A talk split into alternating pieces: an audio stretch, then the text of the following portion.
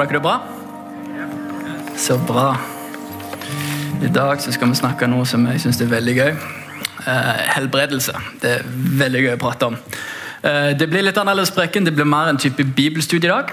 Fordi jeg har en eh, reise jeg har lyst til å ta oss gjennom, der vi skal forstå hvor fundamentet for troen for helbredelse kommer fra.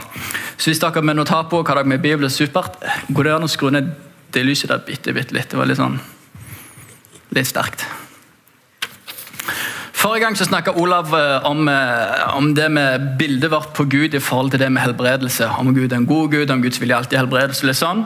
Og Han endte med å lese fra Salme 103. Så jeg tenker jeg har lyst til å begynne og fortsette der. Eh, så Hvis dere er med i Bibelen, så kan vi slå opp i Salme 103, vers 2 og 3. Og Her står det Min sjel, lov Herren og glem ikke alle hans velgjerninger. Han som tilgir alle dine misgjerninger, som helbreder alle dine sykdommer. Så det vi skal se Når vi går gjennom og leser i Bibelen, så kan vi se at det med tilgivelse for synd og det med helbredelse det går hånd i hånd. Som regel når du ser tilgivelse for helbredelse, eller helbredelse, så er det tilgivelse for synd så og så rundt i det samme området. Fordi at det Gud, det Gud gjorde for den ene, gjorde han også for den andre. Vi skal gå gjennom se hva som skjedde på korset, og se at når Gud tilga all synd, så betalte Gud også fullt ut for helbredelse. Og så kan Vi kan starte å lese her, så står det at en av fordelene på engelsk står det, Do not forget his benefits. En av fordelene med å være Jesus er at han tilgir all synd og helbreder alle sykdommer. Ofte er det veldig lett at vi leser det. Ja, ja, han tilgir all synd, men eh, han helbreder ikke alt. Mange sykdommer, eller noen sykdommer, eller få sykdommer, alt etter hva du har opplevd.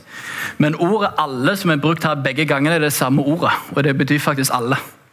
Så det vi skal si at Når det sier at han har tilgitt alle misgjerninger og han har helbredet alle eller helbredet alle sykdommer, så er det de samme tingene. Eh, hvis vi får opp Jesaja 55, 10-11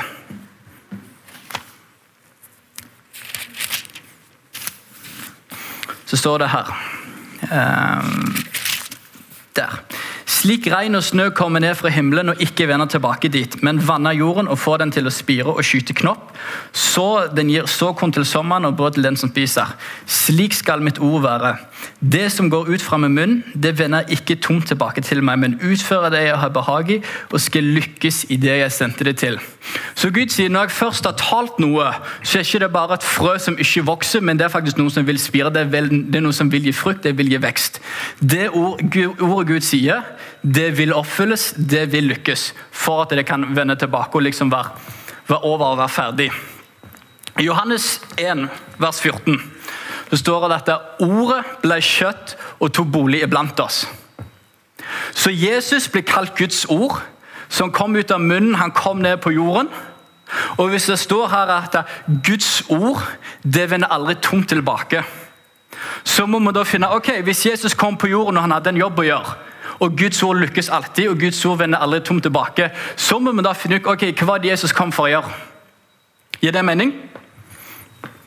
Så først Salme 107, vers 20. En pipe litt her.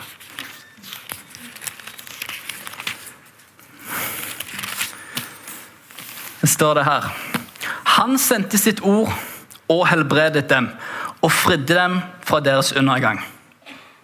Så, okay, så Gud sendte fram sitt ord, Gud sendte Jesus og helbredet dem. Og fridde dem fra gaven, eller fridde dem fra sin undergang. Så når Jesus ble sendt ut, så en av tingene han ble sendt for å gjøre, var for å helbrede. Kan vi se det? 1. Johannes 3,8. Får vi opp det her? Den som gjør synd, er av djevelen, for djevelen har synden fra begynnelsen av. Og Det var for å gjøre ende på djevelens gjerninger at Guds sønn åpenbarte seg. Ok, så igjen, Hvorfor var det Jesus kom? Hvorfor var det Jesus åpenbarte seg? For å gjøre ende på djevelens gjerninger. Men hvordan skal vi vite hva som er djevelens gjerninger? Jo, Johannes 10, 10 sier det at tyven kommer bare for å stjele, drepe og ødelegge. Så vil si Alt som har med død å gjøre, det er djevelens gjerning. Så Olav snakket om det. Gud er ikke schizofren. Gud er god, og djevelen er dårlig. Det vil si Alt som er dårlig, alt som er en del av død, sykdom, fattigdom, elendighet, det kommer fra djevelen. Jesus ble åpenbart for å ødelegge, ødelegge disse tingene og sette oss fri fra dette. og faktisk gi oss, gi oss et bra liv der vi kan leve i himmelen her på jorden. Der vi kan leve i helse, vi kan leve i frihet, vi kan leve i frihet fra sorg, fra depresjon, fra angst, fra skyld, fra skam. Vi kan leve i frihet fra fattigdom. Alle disse tingene er noe som Jesus kom for å ta bort. Ok? Amen. Um, hvis det er noen som har lest litt historie, eller kanskje noen husker dette Jeg levde ikke på den tiden, men i 1863 så var det noe som skjedde i USA. Noen som vet hva det var? Borgerkrig. The Civil War. Noen som har hørt om den? Les om det på skolen? Uh, i, på den tiden, når det var borgerkrig, så hadde alle disse statene i sør de hadde erklært seg for en egen nasjon. Og de ville liksom stå på sitt og gjøre det sånn som de ville. Men så var det da, så det ble krig mellom nord og sør, for de skulle prøve å forene dette. Og I denne krigen så tatte nord de tatte mesteparten av kampene sine, og sør hadde overtaket. Men så var det en mann som kanskje noen kjenner. Han heter Abraham Lincoln. Noen som det, en president. Han sa dette. Ok, jeg kjemper for nord, og vi ser vi holder på å tape alle kampene våre, så vi trenger mer folk. Så det han gjorde, han gjorde noe veldig lurt. Han sa dette. ok, en, Han hadde en tale, en sånn frigjøringserklæring der han sa fra og med i dag så setter vi fri alle slavene sør for denne grensen. Altså Han sier ok, vi er, vi er i nord og vi kjemper mot sør. Så fra og med i dag så, setter, skriver vi en lov der for alle som er sør for grensen, så er det ikke lenger lov å eie slaver og alle skal være likestilte. Dette gjorde han for å frigjøre slavene, sånn at slavene kunne kjempe på hans side. Men det som skjedde at når han først erklærte dette, 1.1.1863, så ble det en lov som gikk inn i boken. Og Fra det øyeblikket han erklærte dette, så var det ulovlig å eie slaver, og alle var likestilt. Men det som skjedde da, etter de vant det, og, og liksom slavene svarte og hvite ble likestilt, og alle sånne ting, så var det fortsatt sånn at det var et raseskille i Amerika. Og ikke før 100 år senere, i 1963, så ble det likestilling mellom hvite og svarte når en mann sto opp og sa 'jeg har en drøm'.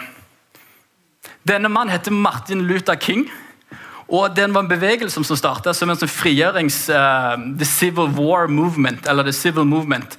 Som en bevegelse og protester der de protesterte mot at vet du hva, svarte og hvite, hvite de er likestilt, de har samme rettighetene. Og Hele denne bevegelsen starta fordi det var en dame på en buss som satt på, satt på bussen, og så kom det noen, hun var svart dame, så, sa, så, kom noen og sa vet du hva, det er en hvit som vil ha plassen din, du må flytte deg. Og hun sa nei, vet du hva, nei, jeg er av dette. Fordi vi svarte vi har samme rettighetene som hvite. Men det som var at denne loven om at svarte og hvite var likestilt, det skjedde i 1863. Men selv om de var frigjort og likestilt på bok ifølge loven, så skjedde det ikke en forandring før 100 år seinere. Når denne damen sa vet du hva, jeg har nok. Nå, For 2000 år siden så var det en mann som het Jesus. Jeg regner med de fleste vet hvem han er. Ellers så har du gått glipp av noe veldig stort. Denne mannen, Jesus, han ofra seg selv som et offer på korset. Og han skrev en ny lov og sa vet du hva, fra og med i dag så er all synd tilgitt. Og fra og med i dag så helbreder jeg alle sykdommer. Jesus døde for 2000 år siden, og når han døde, så ble det en ny lov.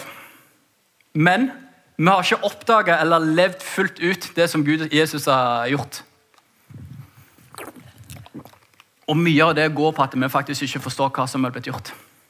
Så det Vi skal, vi skal gå til Jesaja 53 så skal vi lese litt om hva som faktisk skjedde på korset. De fleste har hørt Jesaja 53, men én ting er å høre det, en annen ting er å leve det. Fordi vi hører ja, ja, men han sørger for fått legedom, og så er vi fortsatt syke. Altså, ja, ja, men, eh, men han har fått legedom. Ok. Tror du det? Ja. Ser du noe resultat? Nei. Ok. Så vi må, okay, vi må, gå fra et sted der vi bare tror på ting, til å faktisk kunne leve det ut og se resultat. Så I Isaiah 53, 4 står det sannelig Ok, vi stopper der. Først og fremst, Når Bibelen sier, eller Jesus sier 'sannelig', så er det fordi det jeg skal si nå, det er faktisk så godt, for godt til å være sant at jeg må bare dobbeltbekrefte at dette faktisk er sant. Sånn, fordi Ofte så leser vi ting så tenker vi ja, ja, det er bra, men det, det er for godt til å være sant. Så her bare bekrefter han sannelig Så står det her Våre sykdommer Det var våre sykdommer han tok på seg. Det var våre smerter han bar, mens vi regnet ham som rammet, slått av Gud og gjort elendig. Men han ble såret for våre lovbrudd, han ble knust for våre synder. Straffet rammet ham for at vi skulle ha fred, og ved hans sår har vi fått legedom. Så det vi skal så, Her blir det en liten studie. Når Bibelen sier eh, det var våre sykdommer han tok på seg, så brukte han et gresk ord som betyr nasa. Jeg vet ikke hvordan du uttaler det. Jeg har ikke studert teologi, kanskje gresk. Men eh, jeg har sånn bibelstudie som jeg kan lese og se hva ordene betyr. Så Det er det greske ordet nasa. Sånn det står våre sykdommer han tok på seg nasa. Og det var våre smerter han bar. Det er et ord som betyr chabal. Jeg vet ikke hvordan du uttaler det. Jeg prøver så godt jeg kan. Men det står ordet sykdom og smerte. Sykdom er veldig sånn, ok, det er enkelt. Ordet smerte betyr, fysisk og psykisk smerte. Og det vi skal se at I denne forsoningen på korset så betalte Jesus for utfrielse og helbredelse for ånd, sjel og legeme. Det var absolutt alt han tok med seg på denne. her. Um, oftest leser vi dette så ja, ja, han tok våre vår sykdommer og han tok våre smerter, og bla, bla, bla, og med han så har fått legedom. Men når vi forstår at okay, når Jesus faktisk betalte for det her, så ble det en ny lov. Han sa vet du hva, jeg betaler regningen. Jeg betaler det det koster for å sette deg fri fra sykdom. Jeg betaler det det koster for å sette deg fri fra synd. For å gi deg tilgivelse, for å gi deg helbredelse. Det betalte Jesus på korset. Og det som skjer, For å vise, bevise for ofte folk som er litt mer konservative, som tenker ja, ja, men helbredelse det, vi, vi hører, ikke, hører, ikke, så mye om det. Gidder ikke bry oss om det. Jeg vokste opp i det. Ofte liksom så er det sånn ja, ja, men frelse er det viktigste. og Helbredelse er ikke alltid Guds vilje. Men hvis vi går videre nå, til vers 11 og 12, Isaiah 53, vers 11 og 12, så skal vi bevise, bevise at det Jesus, Jesus, gjorde for helbredelse, de gjorde nå for tilgivelse. Fordi I vers 11 står det her Fordi hans sjel har litt, skal han se på det og mettes. Ved at de kjemper ham, ved at de kjenner han, skal min rettferdige tjener rettferdiggjøre mange, for han har båret deres misgjerninger. Ok, så først og fremst står det Jesus har båret våre misgjerninger. Ser vi det? Dette snakker om overtredelse, dette snakker om synd og det vi har gjort. Ordet 'båret' er det samme ordet som han brukte for når han tok på seg våre smerter. eller han bar våre smerter. Ordet 'shabal'. Shabal. Ja. Så, okay, så jeg sier, ok, Han tok på seg våre smerter, bar våre smerter. Det er det samme ordet som han bruker når han bar våre misgjerninger. Så det Jesus gjorde for våre misgjerninger, på samme måte så bar han våre sykdommer og smerter. Hvis vi går ned til vers 12, så står det Derfor skal jeg gi ham det mange til del, og han skal få det sterke som bytte, fordi han utøste sin sjel like til døden og har beregnet blankt overtredere. Han bar mange synd og gikk i forbund for lovbrytere. Så ordet 'bar' det er det andre ordet vi snakker om, nasa. Så det er det fysiske hjertet her i vers 11-12 så står det at Jesus bar, han tok på seg våre misgjerninger. Han tok på seg sin, vår synd. Men hvis du går noen vers tidligere, vers 4 og 5, så sier han vet du, akkurat på samme måte som Jesus bar vår synd, bar våre misgjerninger, så bar han vår sykdom. Så vi kan ikke si at ja, men Jesus han, han tok vår synd på seg, men han tok ikke vår sykdom. Det er akkurat det samme ord som beskriver måten Jesus bar dette på. Og Hvis du ser på disse to ordene, Nasa og Chabal, så er det to synonym som betyr det samme. Og Vi har en quote her som jeg skal vise hva det betyr. Disse ordene betyr å bære straff for en annen slik at han ikke trenger å bære det selv. Tenk på det. Å bære straff for en annen slik at han ikke trenger å bære det selv. Det er det Jesus gjorde med synden vår. sant? Han tok på seg straffen sånn at vi ikke trenger å bære vår synd. Akkurat det samme som beskriver nå sykdommen vår. Er ikke det ganske vanskelig å forstå? På samme måte som han bar vår synd, så bar han vår sykdom. Ofte når vi har, har nattvær, så har vi, vi har koppen og vi har brød. Sant? For det representerer to forskjellige ting. Sant? Koppen, blodet, det representerer tilgivelse for synd. Hva, hva, hva det brød representerer? Helbredelse. Sant? Jesus sa dette er min kropp gitt for dere. Sant? My body broken for you. Sant? Min kropp skulle bli brutt for deg. Nå, um, det er en historie i Bibelen om en uh, dame som hadde en uh, liten jente uh, som var demonbesatt. Og Hun kom til Jesus og sa Jesus, Jesus, hjelp meg Hjelp å sette datteren min fri. Og hva sier Jesus? Han sier Han sier dette Han er ikke kommet til eh, Det er ikke eh, Han er ikke kommet til, eh, til disse folkene først. Han er kommet først til jødene. Og ikke, han skal ikke gi brød til hele maten til hundene. Og så sier hun liksom ja, men, den damen, ja, men til og med de hundene får slikke smulene av, av middagen. Jeg husker ikke helt hvordan det går. Men, men poenget er det at her så bruker Jesus og denne damen de bruker brød som en lignelse for helbredelse.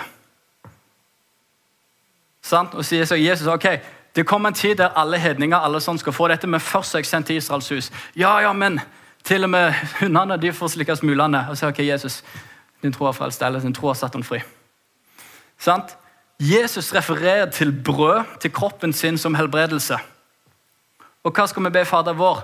Be om i dag vårt daglige, Gi oss i dag vårt daglige brød. Helbredelse er en del av pakten, helbredelse er av vår rett, helbredelse er en del av vår arv. Ofte så tenker vi ja, ja, men det viktigste er at du skal bli frelst. Sant? Helbredelse kommer etterpå. Sant?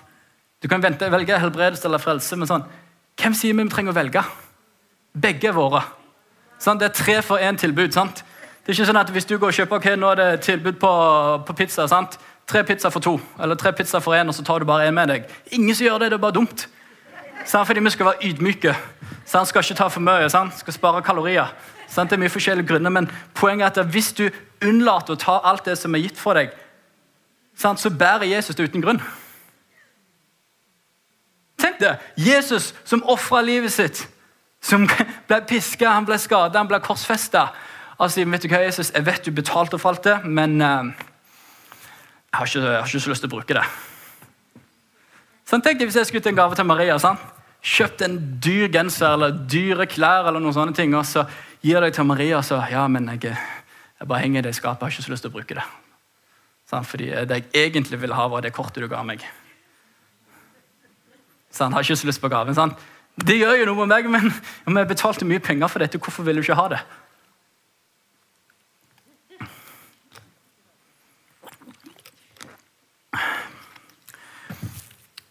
Helbredelse og tilgivelse for synd, når det ble kjøpt, så ble det kjøpt på to separate anledninger. Helbredelsen den ble betalt når Jesus ble piska. For det står 'med hans sår har vi fått legedom'. Så det var, eller 'by his stripes' på engelsk. Med hans sår, med hans stripe, har vi fått legedom. Det vil si at Jesus Tenk på det her. Jesus han måtte ikke bli piska. Jesus kunne gått rett til korset, unngått piskingen og fortsatt betalt for, for, for frelse for oss. Men Gud i sin godhet valgte å gå og bli piska fordi han ville betale for alt. Han valgte å ikke bare gi oss frelse, men han ga oss totalt ufrielse. Helbredelse. Det står med hans sår har vi fått legedom. Hvis vi leser dette i Isaiah 53, det står han at med hans sår har vi fått legedom. By his stripes Um, hvis du leser det på, på, hebraisk, så står det ordet 'stripe' eller 'stripe' står i entall, ikke flertall. Hva betyr det? Jo, det betyr veldig mye. Ifølge hebreisk tradisjon, hvis var, du var piska og det var mer enn en halv centimeter mellom stripene på kroppen din, så ble det stripe i flertall. Men hvis det var mindre enn en halv centimeter mellom disse stripene, så ble det kalt som stripe som i entall. En stripe. Og på, I, i, i Isaiah 53 så står det med hans stripe har vi fått legedom. Det vil si at På Jesus så var det ikke en halv centimeter, en tomme eller noen ting på kroppen som ikke var piska, brutt og knust for vår helbredelse. Tenk det. Isaiah 52, 14 sier at Jesus var skada mer enn noen mann. No, mer enn noen mann. He was, he was married more than any man, står det på engelsk. Han var så skada at at han mer enn noen annen mann på planeten. Når David Hogan var så snakka han om folk som hadde spist ansiktet, Kreft hadde spist bort ansiktet deres. Det hadde ikke ansikt igjen. Du kunne se inn i halsen. Det står at Jesus han var skada mer enn det. En oversettelse sier at han var skada slik at han ikke engang så menneskelig ut. Hvis det er noen som har sett filmer, sett folk som, som, har blitt skutt, som har blitt brent, og sånne ting, så klarer du fortsatt å se på en eller annen måte at det er et menneske der. Men Jesus han var skada mye mer enn dette. Så når du tenker at ok, det gir ikke mening Nei, men ok, Jesus tok på seg synd, han tok på seg sykdom, og han bar det til korset. Hvordan gjorde han det? Jo, han tok det med seg. Men jeg tror fysisk, når du, når du prøver å forestille deg hva som skjedde med Jesus, så må det ha vært noe overnaturlig der sykdom fysisk kom på han, og han bar det med seg til korset. Så vi går til Matteus 8.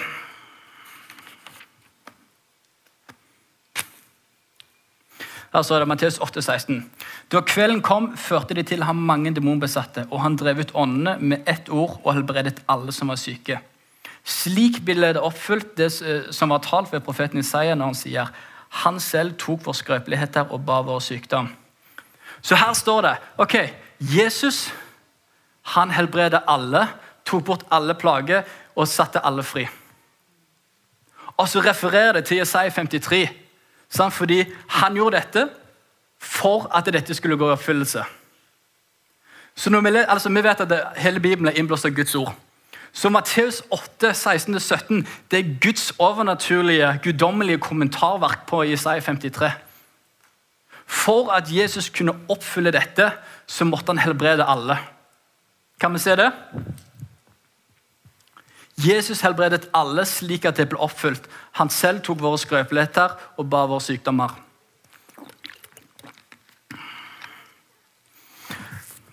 Når Jesus gjorde dette Vi leste nettopp litt tidligere i dag at Guds ord vender aldri tomt tilbake. Sant? Guds ord lykkes alltid i det det har blitt sendt ut til. Så på et tidspunkt, hvis vi ser at okay, Jesus, som var Guds ord, ble sendt ut for å helbrede, har blitt sendt ut for å ødelegge djevelens gjerninger, har blitt sendt ut for å sette oss fri Hvis Jesus lykkes i å gjøre dette og oppfylte det han var kommet for å gjøre, så på et tidspunkt måtte Jesus ha sagt det er fullbrakt. Nå gjorde han det på korset. Jesus sa det er fullbrakt. I det øyeblikket Jesus sa det er fullbrakt, så ble alt dette oppfylt. Det ble en ny lov. Det er, Jesus, det er Gud sa, vet du hva? All synd er tilgitt. Jeg helbreder alle. Jeg har satt deg fri.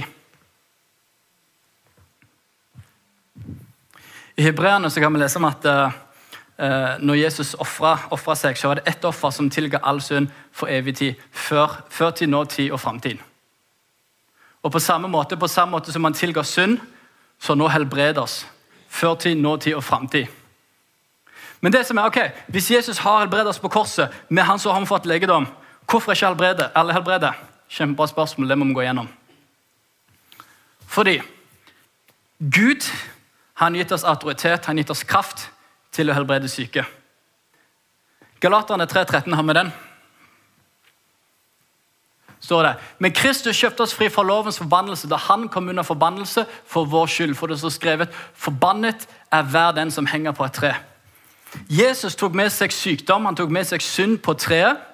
Og her står det at det er forbannet er verden som henger på treet. Så når Jesus hang på korset, så står det i andre grunner at Jesus ble synd. Jesus tok med seg sykdommen. Gud forbanna sykdom, Gud forbanna synd og brøt kraften det har over oss. Men tenk på dette med Abraham Lincoln. Den dagen han satte folk fri, så var det fortsatt mange som ikke hadde fått denne beskjeden. Fortsatt mange som var bundet som slaver. Selv om det var en ny lov, så vet du hva? Du er allerede fri. Men fordi de ikke visste om denne friheten, så levde de fortsatt under denne realiteten om at jeg er en slave. Hva det Jesus har gjort, eh, sagt oss til, sett oss til å gjøre? Han har satt oss, han har salvet oss til å forkynne evangeliet, til å sette oss fanger fri. Jesus han har sagt vet du hva? jeg har allerede betalt for det på korset. Din jobb er å gå og fortelle de gode nyhetene. Hvor mange ser tommelen min her? Ser den ut som det er en frisk tommel? Ja, så bra. Den er veldig frisk. Tommel opp. Uh, vår originale tilstand er helbredet. Jesus, Bibelen sier med hans ord har fått legedom. Det som djevelen gjør Han kommer og skviser tommelen, sender sykdom.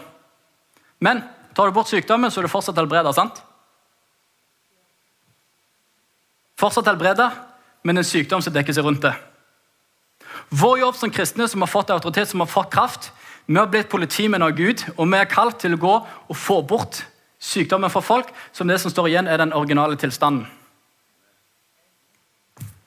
Så vil jeg si at ok, Når jeg ber for syke, så må jeg forstå min identitet, jeg må forstå min autoritet, forstå hvem jeg er i Jesus. Det står at vi er ambassadører for Guds rike, med utsendinger fra Guds rike. Som har blitt sendt til å forkynne gode nyheter, sendt til å helbrede, sendt til å bli sette folk fri. Så når jeg ber for en syk person, så vet jeg ok, først og fremst, hvis jeg skal kunne ha tro for helbredelse, så er troen min for helbredelse på at det allerede er betalt. Sant? Hvis jeg ikke tror Gud allerede er betalt for den utfrielsen, så kan jeg aldri be i tro. Det er ingen som har operert sterkt i helbredelse, som ikke har trodd og sett det at helbredelse er en del av pakten, en del av forsoningen, en del av det Gud har betalt for. Så når jeg ber for en syk, så er det ikke sånn Ok, Gud, er det din vilje å be for denne personen? Er det din vilje å, å, å se denne personen frisk? Tenk på det hvis du er på restaurant. Sant? Hvis vi, si hvis vi er på familietur, og Olav sniker seg rundt og han betaler for, uh, for alle middagen. Det profeterer det i Jesu navn. Så sitter vi der liksom med, med på restauranten og sånn, vet du hva? Jeg lurer på om Olav har lyst til å betale, men uh, jeg er ikke sikker. Kanskje jeg bare må gå og betale selv. Sant? Og så åh, men jeg har ikke med penger. Ok, jeg får bare gå bak og begynne å vaske, vaske på bakrommet. Sant? Olav han har gått, sant? fordi uh, de skulle et annet sted. Men tenk da hvis jeg ikke hører med Olav. ok, Olav, hva skjer med denne regningen? Skal jeg betale den? Har du betalt den? Sant? Så går jeg bak og står jeg bare og vasker fordi jeg har ikke kontakt med han. Er utlandet, mobilen er død. Sant? Har ingen kontakt med Olav. Så kommer jeg hjem fem timer senere. Olav bare, hvor du var jeg, stod og vasket, jeg hadde ikke mer penger, så måtte stå og vaske opp det her. Og Olav bare, ja, men jeg betalte jo for det. Du har ikke behov for å gjøre dette. Sant? Men når, når vi ser at ok, betalingen for sykdommen den er allerede gjort Jeg trenger ikke gjøre noe ekstra, jeg trenger ikke stå og vaske noe. Sant? Jeg trenger bare gå i frihet på at nei, vet du hva, det er betalt. Gå i fremodighet på vet du hva, Jesus har betalt det. Så det som ofte skjer Ofte så har vi denne mentaliteten når vi skal be for syke, at vi må gå og be Gud om å helbrede en person. Så jeg, jeg tar, tar, med meg en bort her, så kommer jeg til Gud. Ok, Gud, her er en frisk person. Vær så god, fiks han. Og vi, og vi kommer liksom og representerer den syke personen foran Gud. Så tenker vi ok, Gud, fiks denne. Men Gud sier vet du hva, du må snu deg rundt, for du representerer meg til den syke personen. Du er en utsending av himmelen som har blitt gitt kraft, som har blitt gitt autoritet, som har fått en jobb til å helbrede syke, til å få bort denne sykdommen. Du finner ingen sted i Nytestamentet der folk snakker til Gud i forhold til helbredelse. Tenk det. Du finner ingen som kommer framfor Gud og bare sier, 'Gud, kan du gjøre noe?' Hvis du konstant bør, ber Gud om å helbrede noen, så kan jeg nesten garantere at du ser veldig lite resultat i måten du ber på. Fordi Gud har allerede gjort det han kan i forhold til din helbredelse. Gud har allerede ofra seg. Gud har allerede betalt for sykdommen. Første Mosebok 1,26 sier dette. Gud skapte mennesket i sitt bilde og ga eh, De skal råde over fisken i havet og fuglene over himmelen, over fe og alle ville dyr og alt krypet som det kryr på jorden. Mennesket har blitt gitt autoritet på jorden. Mennesket, ikke Gud. Så jeg sier Gud har underlagt jorden mennesket. og når det er mennesket som har autoritet på jorden, så er det mennesket som Gud må operere gjennom for å få ting til å skje. Derfor måtte Jesus komme. Jesus kom, han ble sendt ut for å helbrede syke. Men hva skjedde etter hvert? Jo, det var såpass mange syke at Jesus han kunne ikke nå alle.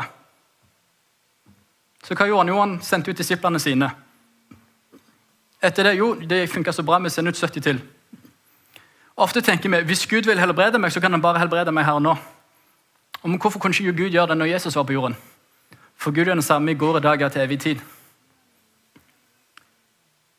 Gud opererer gjennom mennesket fordi det er mennesket som har fått autoritet på jorden.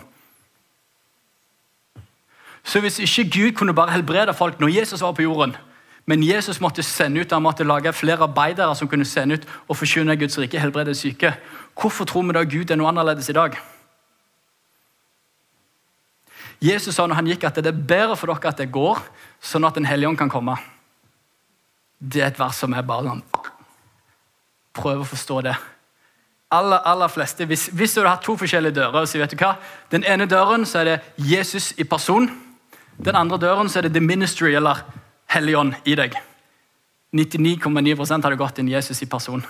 Men Jesus sa vet du hva? det er bedre at Den hellige ånd kommer. Jesus sa det er bedre at Den hellige ånd er her, enn at jeg er der. Fordi Jesus var begrensa i sin menneskelige skikkelse til å kunne bare være på ett sted om gangen. Så Jesus, hans, hans plan var å reprodusere seg selv i sine etterfølgere, sånn at de kunne nå et større område.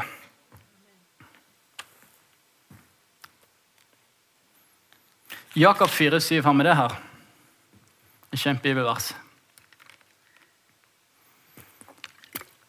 Her står det Så vær da lydige mot Gud, men stå djevelen imot, så skal han flytte fra dere. Sant? Vi lyder mot Gud.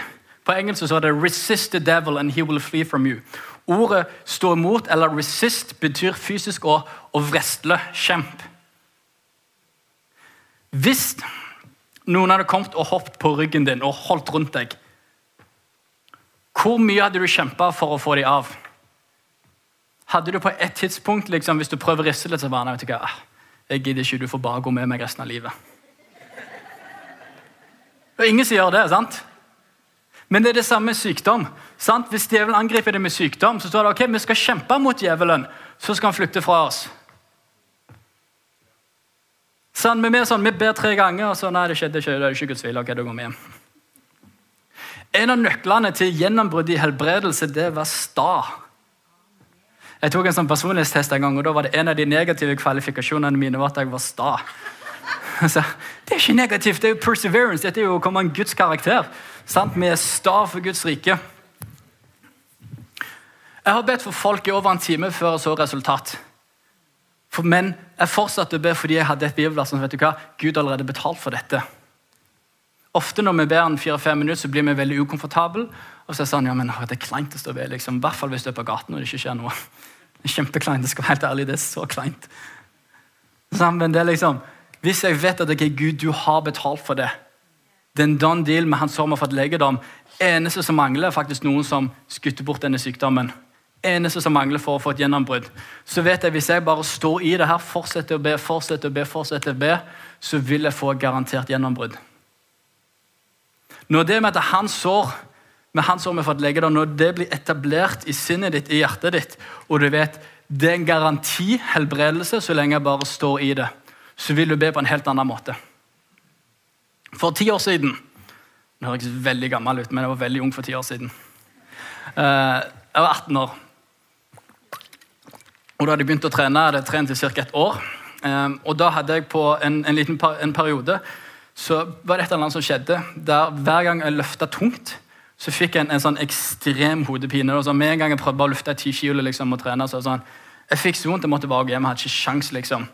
Så liksom, over en hel sommer på tre, en periode på tre måneder så klarte ikke jeg å trene noen ting. prøvde litt her og der, Men hver gang jeg løfta liksom, litt vekter, så fikk jeg så ekstremt vondt og måtte bare gå hjem.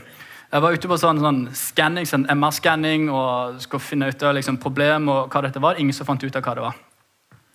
Og så var jeg til uh, en på, på Vigrestad, en sånn, sånn fotsoneterapi. Og han sånn, klemte under beina mine. Og etter en gang så var jeg helbreda. Eller jeg var god. sant? Og kunne gå og trene igjen. For han sa liksom, du, han sa, jeg skjønner ikke hvordan de finner ut av det, men han sa du har en låsning i ryggen, du har nerver som låser seg, som gjør at når du prøver å løfte ting, så får du vondt i hodet. Eh, kult. Fiksa seg. Eh, i, nå, nå var jeg Malai, bodde i Malaysia i åtte måneder eh, og var fortsatt på, eh, holdt på å trene. Eh, og på et tidspunkt der, mens jeg holdt på å trene, så kom denne tingen tilbake igjen. Fikk en sånn ekstrem hodepine. Dette var sikkert en måned eller to inn til jeg kom til Malaysia. Eh, hver gang jeg trente, liksom, for de som ikke vet det, så når jeg var i USA, så la jeg på meg 20 kilo, så jeg var på sånn weight loss journey. Så jeg var på vei ned i Malaysia, så det var veldig viktig for meg å trene og fortsette å gå ned i vekt. For jeg var fortsatt ganske stor. Eh, men da kom i hvert fall denne tingen tilbake, og jeg bare husker å søren, nå kan ikke jeg trene før liksom, jeg er hjemme i, i Norge, sånn, for da må jeg tilbake til det her og fikse det her, bla, bla, bla. Og sånn, å, hva gjør jeg nå? Men i denne perioden så hadde jeg begynt å lese studere det her og bygd det så inni meg. Men vet du hva? Med hans står, så har vi fått legedom. Og jeg skjønte det. ok, Jesus, Hvis dette er sant, og alt jeg trenger å gjøre, er kjempe og stå i det her, så skal jeg prøve det. Jeg skal gå for det. Så i to uker så gikk jeg på trening i tro Jeg løfta hver eneste gang jeg tok en eh, pull-up, hver eneste gang jeg løftet, så fikk jeg ekstremt vondt i hodet. Men jeg sa vet du hva, i Jesu navn sykdom forsvinner. Og etter to uker så forsvant det. Og alle kom tilbake.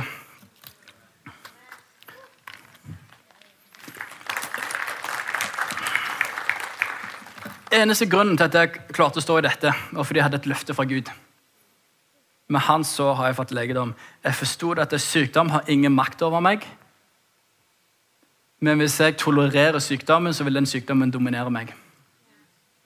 På et tidspunkt så må du lære å hate sykdom til der du ikke godtar den minste ting.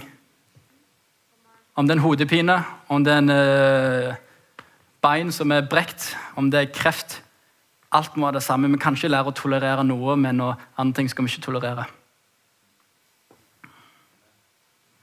Ti sekunder igjen, så ringer klokken min. Right. Er dette bra? Gir det mening? Ja?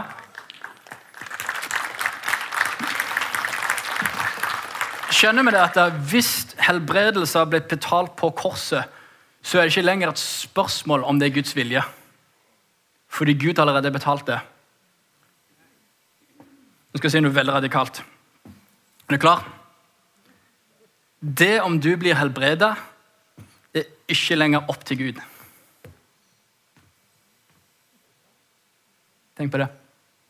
Vår helbredelse er ikke lenger opp til Gud. Fordi Gud har allerede gjort alt han kan på korset. Han har gitt oss autoritet, han har gitt oss kraft, han har gitt oss alt vi trenger. Og vi er bare utsendinger som er kalt til å forkynne hva som har skjedd på korset. Vi er kalt til å forkynne de gode nyhetene. Vi er kalt til å sette slaver fri.